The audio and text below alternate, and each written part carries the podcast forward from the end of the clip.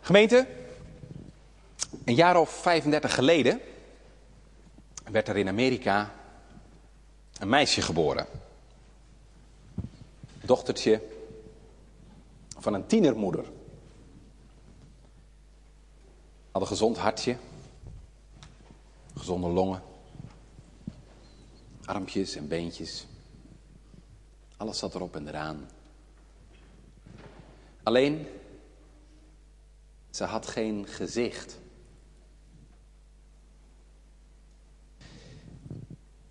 Het enige wat je zag was een vochtige, vormeloze massa.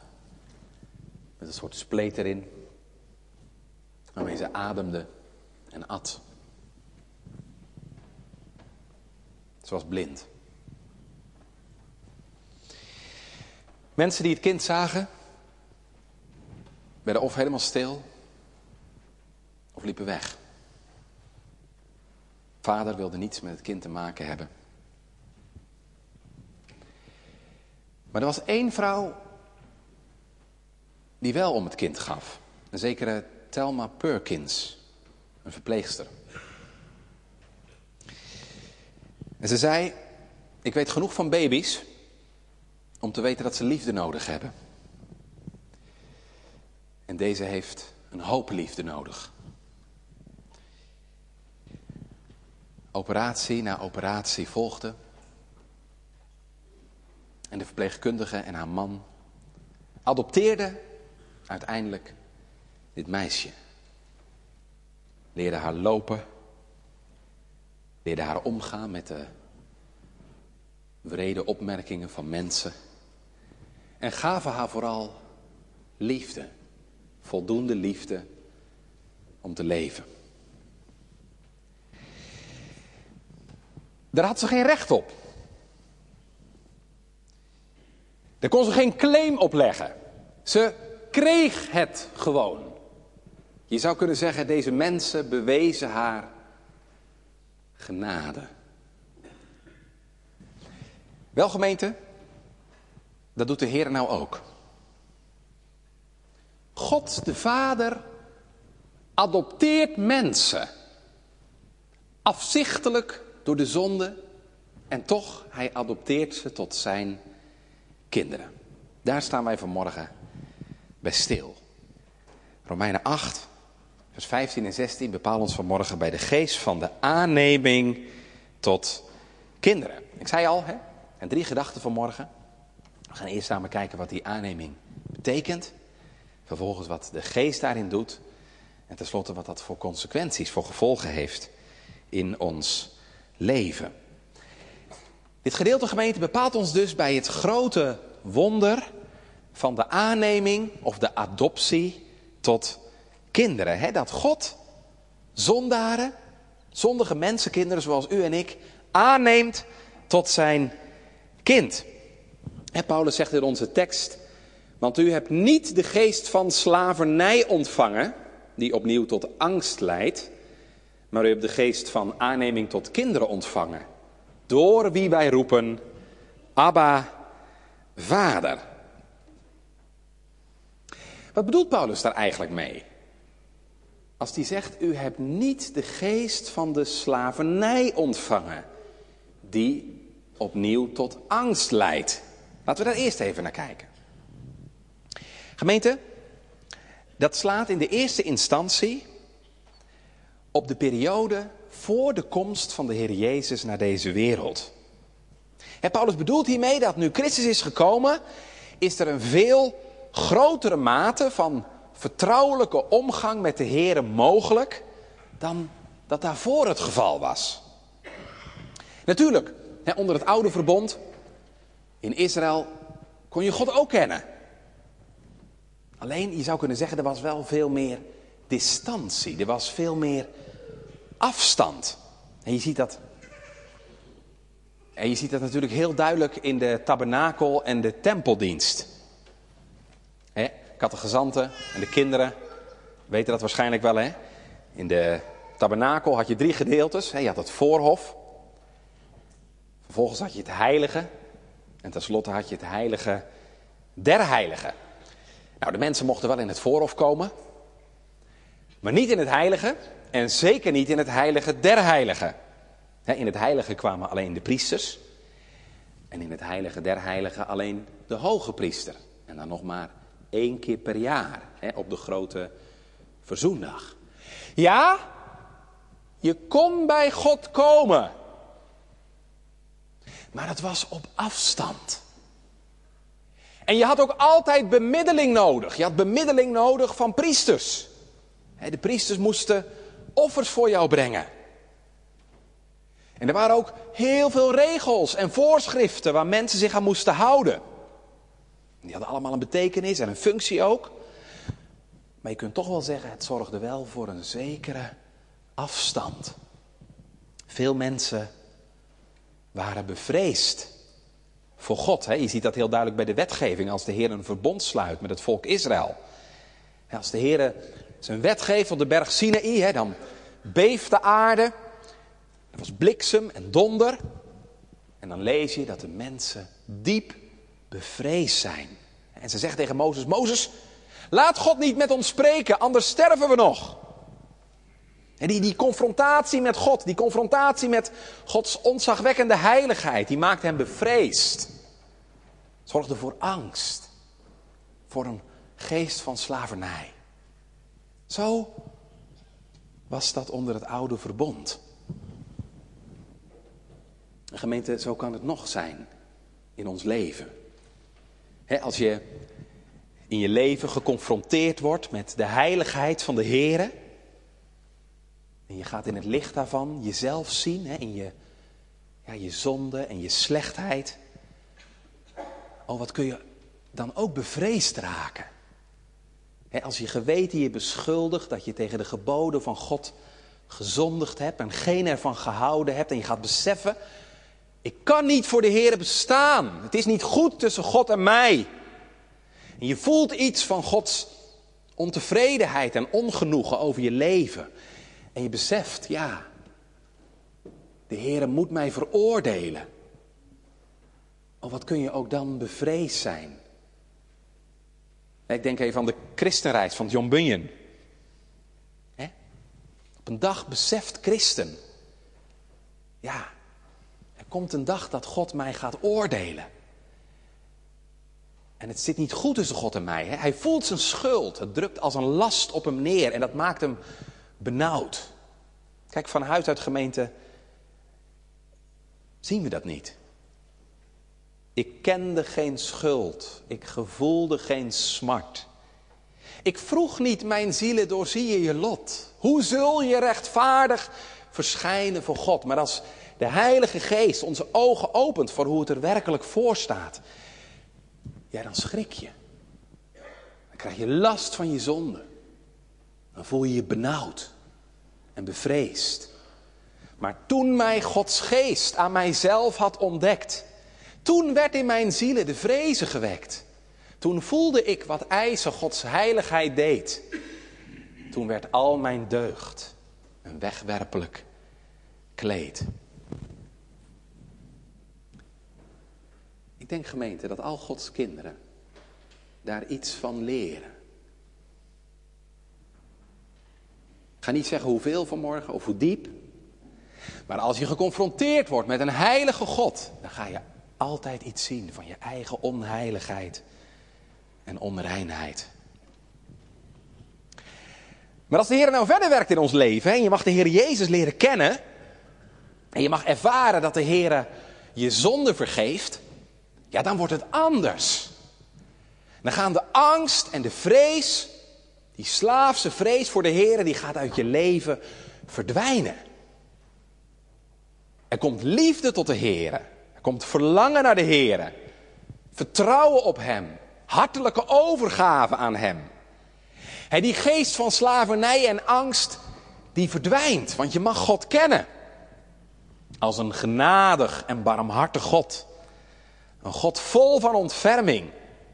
En dan kan het ook niet anders gemeente, dan komt er een nieuwe omgang met de Heer in je leven. een vertrouwelijke omgang met God. Ja, want God is niet meer de rechter die je moet veroordelen en die vertoornd is over je en over je zonde. Maar God is in Christus je vader. geworden. je bent van een vijand een vriend geworden. Meer nog, moet ik vanmorgen zeggen. Niet alleen een vriend, maar zelfs een kind. En dat is het grote wonder waar deze tekst ons bij bepaalt. Dat God zondaren aanneemt tot zijn kind. Ja, als de Heer in ons leven werkt, gemeente, dan gebeuren er altijd verschillende dingen. In de eerste plaats, de Heer vergeeft jouw zonde. Het volgende wat hij doet, hij rechtvaardigt je. En dat betekent, je staat weer in de rechte verhouding met God. Je bent in zijn oog een rechtvaardige. Maar daar blijft het niet bij. Paulus zegt in onze tekst: God neemt je ook aan tot zijn kind. Ja, we weten in de tijd van de Bijbel, in de tijd van het Romeinse Rijk, hè, toen Paulus deze brief schreef aan de Romeinen, was het mogelijk dat een man een jongen aannam tot zijn zoon. bijvoorbeeld omdat hij zelf geen kinderen had. Het was niet zijn kind, maar het werd zijn kind. je had daar een uh, officiële procedure voor, een juridische procedure. En het eindresultaat was dat die jongen, meestal was een jongen, kon ook een meisje zijn, maar meestal was een jongen, het ging over, ja, over erfgenaam en zo. Het eindresultaat was, was dat die jongen bij het gezin ging horen. Hij werd een volwaardig kind. Nou, dat is het beeld dat Paulus hier in Romeinen 8 gebruikt. Je zou dus kunnen zeggen, aanneming is een daad van God, waardoor hij je de status geeft van kind. Van kind. Je ziet dat heel mooi, natuurlijk hè, in de gelijkenis van de verloren zoon. Kijk, toen die jongen terugkwam, kon die vader twee dingen doen. Hij kon hem de deur wijzen. De deur dicht doen. Hij kon hem ook weer aannemen. En dat is ook wat hij doet. En toen vergaf hij hem niet alleen maar zijn zonde, maar hij neemt hem ook weer aan tot zijn kind. Die jongen mocht weer binnenkomen. Kijk, die vader had hem natuurlijk ook knecht kunnen maken. Nou, dat was natuurlijk al genade geweest na alles wat er gebeurd was, als hij hem een knecht gemaakt had. Maar hij neemt hem weer aan tot zijn kind. Kind in huis. Nou, dat is nou je positie als de Heer je aanneemt. Dan ben je weer volwaardig kind. En die jongste zoon, die was weer volwaardig kind. Die mocht weer in alle rechten van een kind delen. Daarom was die oudste broer natuurlijk ook zo boos. Hij kreeg dus ook alle rechten op de erfenis, als het ware, weer terug. Want als je kind bent, ja, dan ben je ook erfgenaam, hè? Ik ga er vanmorgen niet verder op in, maar dat zie je in vers 17, hè? Als wij kinderen zijn, dan zijn we ook erfgenamen. Dan mag je ook delen in de erfenis. De, de verloren zoon mag weer delen in de erfenis. En Gods kinderen mogen delen in de erfenis die de Heer Jezus voor hen verworven heeft. Gemeente, wat is dit een geweldig wonder. Kijk, het is al heel groot als God je schuld vergeeft. als de Heer zegt, ik heb je al je zonden van je genomen. En ik heb ze bedekt, zodat ik ze niet meer zie. Nog groter is het als God je rechtvaardigt. Hij zegt, jij en ik. Wij staan in de rechte verhouding. Ik zie je aan als een rechtvaardige. Maar dit gemeente, dat voelt u wel aan, dat gaat natuurlijk nog veel verder. Kijk, om even een voorbeeld te gebruiken. Een rechter, een rechter kan iemand vrijspreken. Hij heeft onderzoek gedaan en hij zegt, nou ja, ik vind geen schuld in u. Mij betreft mag u vrij uitgaan. Dat is fijn natuurlijk. Daar ben je ook heel blij om. Maar daarmee is die rechter natuurlijk nog niet je vriend of zo. Maar stel je nou eens voor, het kan natuurlijk niet, is nooit gebeurd, maar stel je nou eens even voor, hè? Dat een rechter zelf de boete betaalt van een veroordeelde En dan vervolgens na afloop van de zitting hem ook nog meeneemt naar zijn huis. En tenslotte zegt, ik neem u aan tot mijn kind. Ja, dat is absurd. Dat is nog nooit gebeurd. Het is onvoorstelbaar. Toch is dat nu precies wat God doet. Hij vergeeft mensen die hem haten, die tegen hem in opstand zijn gekomen. Hij neemt zelf hun straf op zich.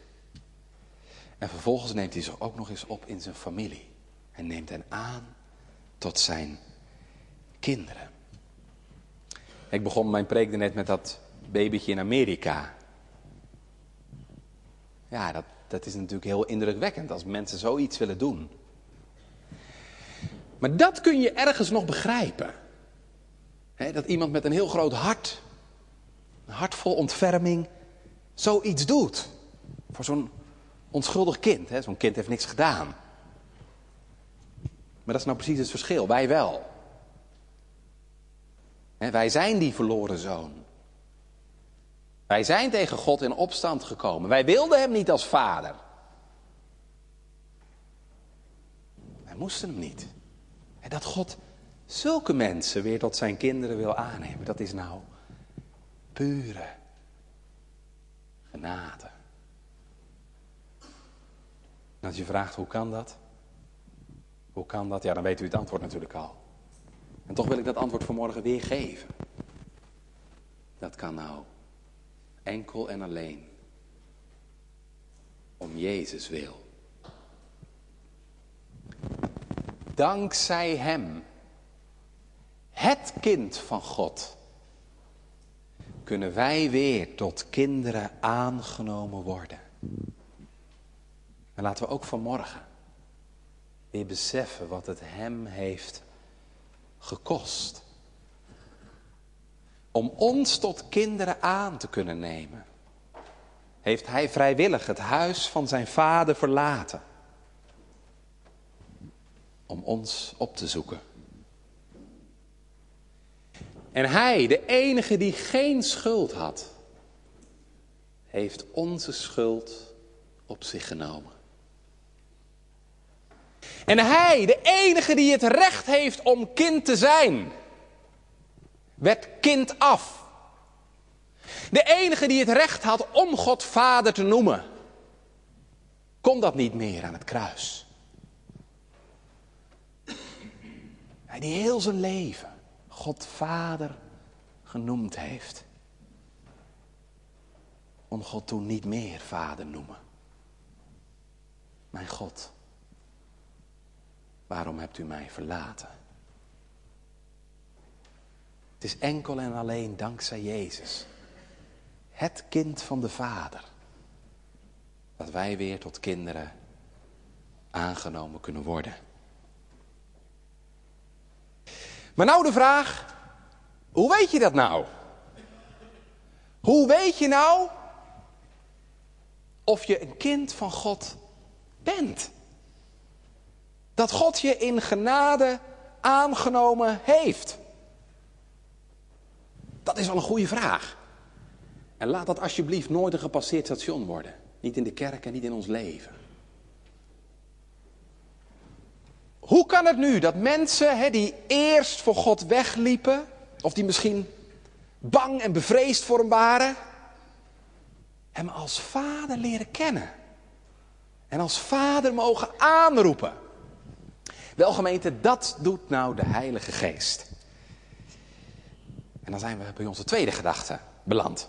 We hebben eerst gekeken wat die aanneming inhoudt. God geeft je de status van kind met alle rechten die eraan verbonden zijn. Gaan we nu in de tweede plaats kijken wat de geest daarin doet. Want Paulus zegt dat het de geest is die daar een heel belangrijke rol in speelt. En dan gaan we even naar vers 16. De geest zelf getuigt met onze geest dat wij kinderen van God zijn. De geest met een hoofdletter getuigt met onze geest, kleine letter, dat wij kinderen van God zijn. Daar zie je aan, er is dus een tweevoudig getuigenis.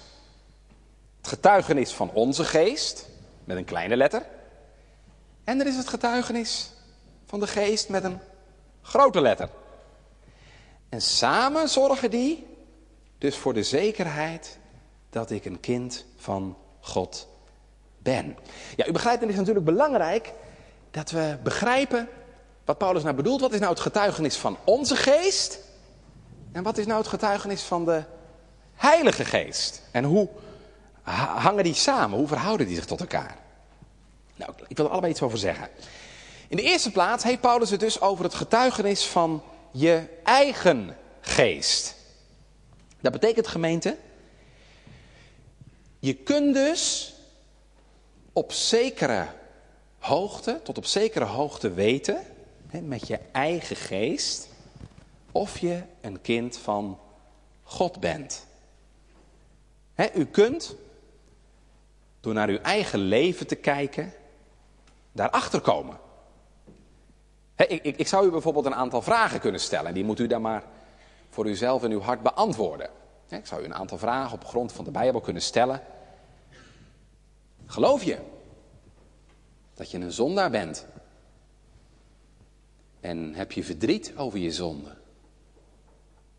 Beleid je ze voor de Heer? Is er in je hart verlangen naar God? En geloof je dat het bloed van Jezus Christus reinigt van alle zonde? En geloof je dat zijn bloed ook jou kan reinigen? En rust je in het volbrachte werk van de Heer Jezus? En is er in je leven het verlangen om heilig te leven? Strijd je tegen de zonde? Bid je elke dag om de vervulling met de Heilige Geest? zoals Paulus dat net zei in uh, vers 13, dat je door de Geest de zondige daden van het lichaam doodt. En is dat in je leven ook te zien, die vervulling met de Heilige Geest? want als de Geest in ons leven werkt, dan zijn er ook altijd de vruchten van de Geest. is het je verlangen om zachtmoedig te zijn? Blijmoedig? Matig te leven? Nou, zomaar wat vragen. En ik zou er nog veel meer kunnen stellen. die, die kun je op grond van de Bijbel en jezelf stellen. En als je nou mag zeggen, en dat hoop ik natuurlijk, als je nou mag zeggen, ja, dat herken ik, dat is zo in mijn leven. Dan getuigt je eigen geest dus dat je een kind van God bent. Dat is dus het getuigenis van onze geest. Maar nou zegt Paulus hier in onze tekst, de geest, de heilige geest, getuigt met onze geest. Je hebt het getuigenis van je eigen geest, zagen we net. Maar je hebt ook nog het getuigenis van de heilige geest. Die met onze geest getuigt. Ja, gemeente, dat is nodig. Waarom is dat nodig? Weet u dat getuigenis van je eigen geest, dat is soms zo ontzettend zwak. Er zijn tijden en momenten, dan kan ik het duidelijk zien in mijn leven. Ja, ik heb de Heer lief. Ik strijd tegen de zonde. Maar er zijn ook dagen en tijden, gemeente, dat je het soms maar nauwelijks ziet. En weet u, er komt ook zoveel tegenop. Er is ook zoveel tegenbewijs. ik kan dat natuurlijk wel zeggen, ik heb de Heer lief. Maar gelijk fluistert mijn geweten me in, maar waarom, waarom dwaalde je dan zo af tijdens het bidden van morgen? En waarom ging je zo tekeer tegen je man of tegen je vrouw, als jij een kind van God bent? En waarom gaf je pas toe aan die onreine gedachten? En ga zo maar door. Er komt zoveel tegenop, tegen dat getuigenis van je eigen geest. Je hebt dus meer nodig met alleen het getuigenis van onze eigen geestgemeente redden we het niet. als je in een balans zou leggen, dan kan het soms ook zomaar zijn dat de balans, de negatieve balans met alle verkeerde dingen in je leven, sterker is en doorslaat naar de andere kant. En daarom heb je ook het getuigenis van de Heilige Geest nodig. En als je vraagt, wat is dat nou? Ja, dan moet ik eigenlijk zeggen, gemeente, dat kun je eigenlijk niet eens zo goed onder woorden brengen. Het is eigenlijk meer iets wat je mag ervaren dan dat je nou precies kunt omschrijven wat het is. Daarmee bedoelen we met het getuigenis van de Heilige Geest. Hè, dat de Heilige Geest van binnen, in je hart, in je innerlijk, zodanig werkt dat er een ontwijfelbare zekerheid in je hart komt dat je van de Here bent. Waardoor de zekerheid ontstaat, ja heren, ik ben uw kind. Ik mag het zeker weten. Dat doe je niet zelf. Nee, dat doet de Heilige Geest. Ik zeg het heel eerbiedig vanmorgen, maar ik meen het wel. Je zou kunnen zeggen, dit is een kus. Die de Heer je geeft. Het is een kus die de Heilige Geest je geeft. Stel voor dat je, ja, dat je verkering hebt, je hebt een relatie met iemand. Het loopt allemaal niet zo lekker. En je twijfelt eigenlijk in je hart of die ander nou wel echt van je houdt. Je bent samen aan het wandelen. En ineens geeft die ander jou zomaar spontaan een kus. En je voelt daarin de liefde. Ja, dan weet je het ineens zeker. Hij houdt echt van me. Toch? Nou, met eerbied gezegd, gemeente, dat doet de Heilige Geest nou ook. Hij getuigt samen met mijn geest dat God mij lief heeft. Hoe doet hij dat? Ja, dat kan hij op heel veel manieren doen. Dat kan zomaar in de kerk gebeuren als je luistert naar het woord. Het kan gebeuren tijdens de bediening van het avondmaal. Ik voor u. Dat jij anders de eeuwige dood had moeten sterven. Het kan zomaar gebeuren, gemeente, als je aan het wandelen bent of aan het fietsen. Of in de auto zit. Dat er ineens die innerlijke zekerheid in je hart komt. Heere, u bent mijn vader. En ik ben uw kind. En dan is die zekerheid er ook, gemeente. Dat praten mensen je niet aan. En dat kunnen mensen je ook niet afpraten. De Heer heeft er heel veel manieren voor om dat te doen. Het kan soms heel stil en zacht gebeuren. En soms kan het ook heel intens en overweldigend zijn. Dat je iets mag proeven van de vrede van God die alle verstand te boven gaat. Dat je iets mag proeven van nameloze blijdschap, van vaste zekerheid. Daar word je niet groot mee trouwens hoor. Daar word je vaak heel klein van. Dat gaat vaak gepaard met diepe gebrokenheid. Dat je heel klein voelt voor God. En tegelijkertijd toch zeer bemind. Ik heb u lief gehad met een eeuwige liefde. Geest getuigt met onze geest dat we kinderen van God zijn. En wat is daar nou het gevolg van? Nou, dat is onze laatste gedachte. En dan gaan we samen nog kijken naar de gevolgen van dit getuigenis. Twee dingen, gemeente. Ja, ik zei het eigenlijk al, hè, dat getuigenis van de geest, dat is het eerste wat ik van wil zeggen, dat zorgt voor zekerheid. je mag zeker weten dat God je in genade aangenomen heeft. Dat Hij mijn vader is en ik zijn kind. want de geest getuigt dat wij kinderen van God zijn.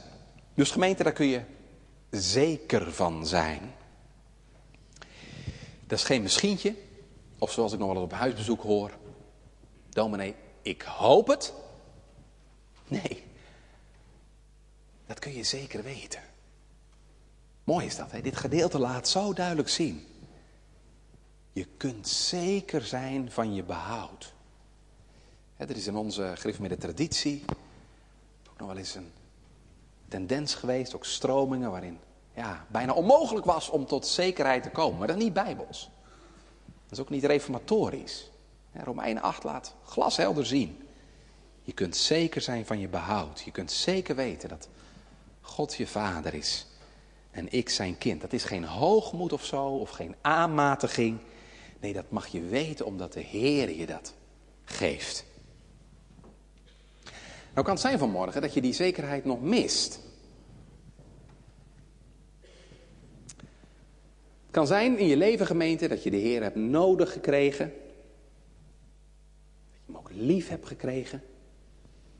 Dat je weet dat je niet meer zonder de Heer kunt leven. Dat je ook geleerd hebt om met je zonde en schuld de toevlucht tot Hem te nemen. En dat je toch met deze zekerheid worstelt. Ik kom dat althans nog wel eens tegen. En als mensen dan op de man afvragen met huisbezoek of zo. Ben je nou een kind van God? Dat je eigenlijk geen ja durft te zeggen. Klinkt zo groot, zo hoog. Je mist de vrijmoedigheid, je mist de zekerheid om dat te zeggen. Nou, dan, dan is dit gedeelte denk ik vanmorgen een bemoediging voor u, voor jou. Dit gedeelte laat zien, zekerheid is mogelijk. Niet vanuit jezelf, maar omdat de Heer dat wil geven. Dus daar mogen wij erom vragen. En dan mogen we bidden, Heere, werk met uw geest in mij. En getuig ook met mijn geest dat ik uw kind ben. Als je daarna verlangt vanmorgen en je bidt erom, dan mag ik u zeggen, de Heer wil dat geven. Jezus zegt zelf, als u die boos bent, toch uw kinderen goede gaven geeft. Want welke vader is er nou als een kind hem om een brood vraagt dat hij hem een steen geeft? Hoeveel te meer zal mijn hemelse vader de Heilige Geest geven? Als je hem daarom bidt. Vraag om de geest. Dat hij je tot zekerheid brengt. En dan mag je pleiten op deze tekst, op deze belofte. Dat is het eerste. Getuigenis van de geest zorgt voor zekerheid. Het tweede wat we hier zien, gemeente, in dit gedeelte, het getuigenis van de geest zorgt ook voor intimiteit. Intimiteit. Ik las bij Matthew Henry, bekende Engelse Bijbeluitlegger. Matthew Henry zegt het volgende, prachtig citaat.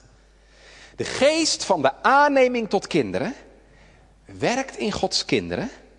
En dan komt het. Een kinderlijke liefde tot God. Blijdschap in de Here. En afhankelijkheid van Hem als van een vader. Kinderlijke liefde tot de Here. Blijdschap in de Here. En kinderlijke afhankelijkheid van Hem. Er ontstaat dus, gemeente, een vertrouwelijke omgang met de Here in je leven. Dat zie je in vers 15, hè? U hebt de geest van aanneming tot kinderen ontvangen, door wie wij roepen, Abba, Vader. Gods kinderen mogen de Here aanspreken als Vader. Abba. Abba, dat weet u wel, hè? dat was de aanduiding waarmee Joodse kinderen hun vader aanspraken. Ik heb de vorige keer gezegd, dat is bijna twee jaar geleden, want toen heb ik ook over het vaderschap van God gepreekt. Abba wordt wel eens gezegd, hè? Papa, is denk ik nog iets, iets te familiair. Dat betekent denk ik meer zoiets als lieve vader.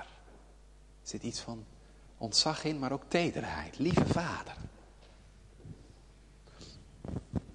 Zo mag je de Heer dus aanspreken. Als je hem kent. En dat mag je niet alleen doen, maar dat wil je dan ook. Toch? Hè? Een kind dat zijn vader lief heeft, wil die liefde toch ook uiten. Als je kleine kinderen mag hebben, en je hebt een goede band met je kinderen, dan ja, kan het zomaar gebeuren dat zo'n kind op je schoot klimt en beide armpjes om je heen slaat. En in je oor fluistert, papa, ik hou van u. Zou een kind van God dat niet hebben? Als die slaafse vrees waar we mee begonnen veranderd is in een kinderlijke vrees, ja, dan is er natuurlijk, er is altijd ontzag voor de Heer. God is heilig en verheven. Maar er is ook diepe liefde voor de Heer en verlangen naar Hem. En dan kunnen er momenten zijn. Als de Heer dichtbij is in je leven. Je dat ook mag zeggen, Heer, ik houd van u. Ik heb u lief. Ik zal u hartelijk lief hebben, Heere mijn sterkte, zegt David. Abba, Vader, u alleen. U behoor ik toe. Nou, als u vanmorgen de Heer vreest, dan mag je vanmorgen hier zien wat je positie is voor God. Als je geleerd hebt om met je zonde en schuld tot de Heer Jezus te vluchten, dan heeft de Vader je aangenomen tot zijn kind. Dan ben je omwille van wat Jezus heeft gedaan, omwille van het kind, aangenomen tot kind. Betekent ook dat je in alles mag delen wat de Heer Jezus verworven heeft. Hè? Want een kind mag delen in de erfenis. En bij die erfenis die de Heer Jezus voor zijn kerk verworven heeft, hoort ook de Heilige Geest. Dat zie je hier, die met onze geest getuigt dat wij kinderen van God zijn. Niet meer mijn rechter, maar mijn vader, met wie je vertrouwelijk mag omgaan. Mijn vader die voor mij zorgt. Bij wie ik elke dag mijn zorgen en noden mag brengen. En die ook beloofd heeft als een vader voor mij te willen zorgen. Ik zeg er wel bij gemeente, daar zit één voorwaarde aan. Aan die zekerheid van het geloof en die vertrouwelijke omgang met de Heer zit altijd één voorwaarde. Dat zegt Paulus ook heel duidelijk in Romeinen 8. En dat is, wandel door de geest. Wandel door de geest. Zekerheid is alleen mogelijk als je dicht bij de Heer leeft en je telkens weer laat vervullen met de Heilige Geest. Weet u, als je slordig gaat leven en er is weinig vervulling met de Heilige Geest, weet je wat er dan gebeurt met die zekerheid? Dan gaat die zekerheid kwijnen. En dan kan het zomaar gebeuren, gemeente, dat die vrees en die angst en die onzekerheid in je leven weer terugkomt. En dat dat kinderlijke vertrouwen de Heer wegebt. En dat die vertrouwelijke omgang met de Heer naar de achtergrond verdwijnt. En daarom, je kunt alleen in deze zekerheid leven, je kunt alleen in dit kinderlijke vertrouwen leven, als je dagelijks wandelt door de geest. Nog één keer de vraag waar ik mee begon. Hebt u, heb jij zekerheid? Geef voor jezelf eerlijk antwoord. Kan zijn dat je die zekerheid nog niet hebt. En in plaats van een kinderlijke vrees is er een slaafse vrees. Dat je diep in je hart eigenlijk bang bent voor God. Zo heb ik ook jaren geleefd. Er was zoveel wat niet deugd in mijn leven. Dat ik bang was voor God. En tegelijkertijd wilde ik het ook niet opgeven. En dan ben je eigenlijk bezig je te verstoppen voor God, verstoppertje te spelen. Dus geen vertrouwen op de Heer, maar angst.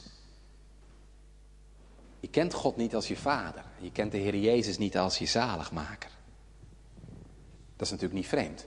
Hè? Want als jouw zonden niet vergeven zijn, dan heb je ook reden tot vrees. Want als God niet onze vader is, dan is hij onze rechter die ons moet veroordelen. En dan zegt de Bijbel, dan ben je nog een kind van de toren. Dan hoor je nog bij een andere vader. De vader van de leugen, die we in het paradijs zijn toegevallen. Nou, zo wil ik niet eindigen. Want weet u wat zo heerlijk is, gemeente? Wat je niet bent,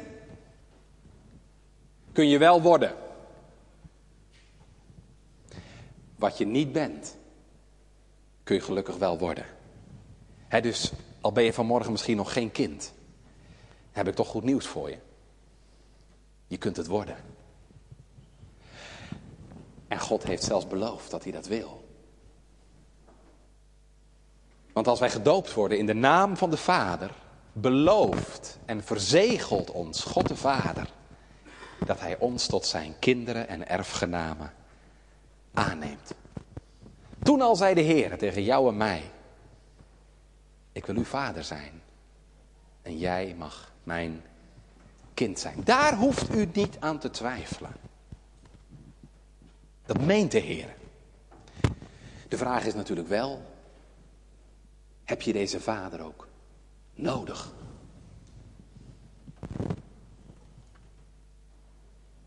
Of ben je nog steeds bezig met voor hem weg te lopen? Wil je geen kind zijn? Als dat zo blijft, ga je wel verloren. Dat is toch aangrijpend. De belofte van de vader op je hoofd. Toch verloren gaan, omdat je hem niet als vader wil hebben. Nou, u hoeft niet verloren te gaan. U draagt zelf het stempel op uw voorhoofd dat u welkom bent bij God. Oh, ga toch terug.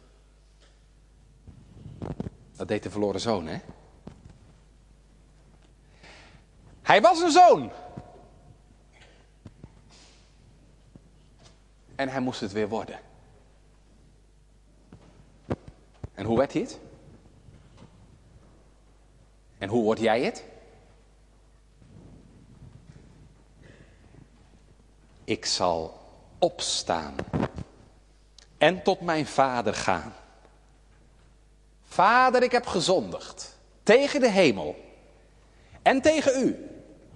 En ben het niet meer waard uw zoon genoemd te worden. Maar wat viel het mee, hè? Want als hij nog ver van hem was, zag hem zijn vader en werd met innerlijke ontferming bewogen. En toelopende viel hem op de hals en kuste hem. En zo is de Heer met innerlijke ontferming bewogen over jou en u. Wat let je dan? Om tot hem te gaan. Kom. Want hij roept u. Kom. En hij zal zich over je ontfermen. Kom. En hij zal zeggen, welkom thuis, mijn kind. Amen.